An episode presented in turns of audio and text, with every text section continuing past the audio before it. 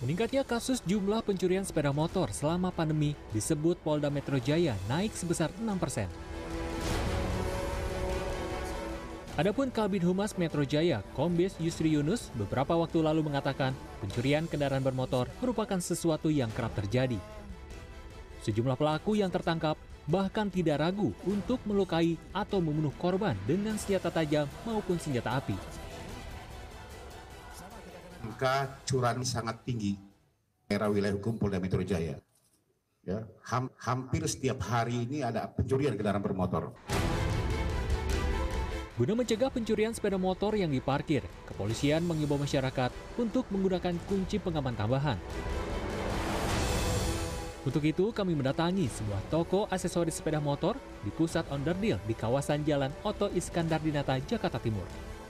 Di toko ini kita bisa menemukan berbagai alat keamanan tambahan sepeda motor yang dijual mulai harga 50 ribuan hingga 300 ribuan rupiah.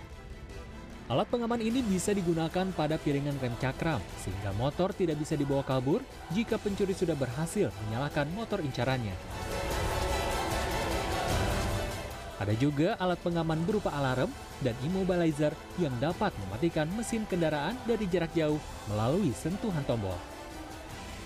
Ya, saat ini saya bersama dengan penjual aksesoris sepeda motor, Bang Anan, dan ini akan memperlihatkan kepada saya bagaimana caranya supaya motor kesayangan kita am- lebih aman dari pencurian. Ya, Bang Anan bisa jelasin gimana caranya? Siap. Eh, pertama, ini kita kasih lihat.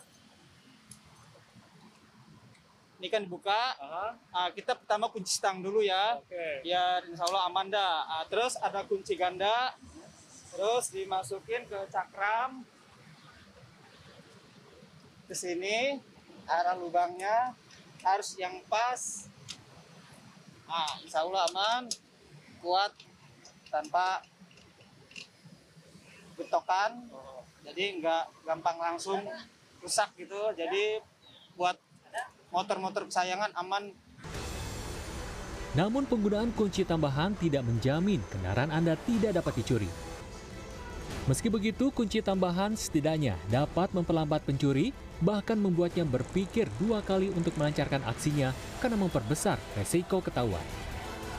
Arya Dita Utama, Andriawan Saputra, Jakarta.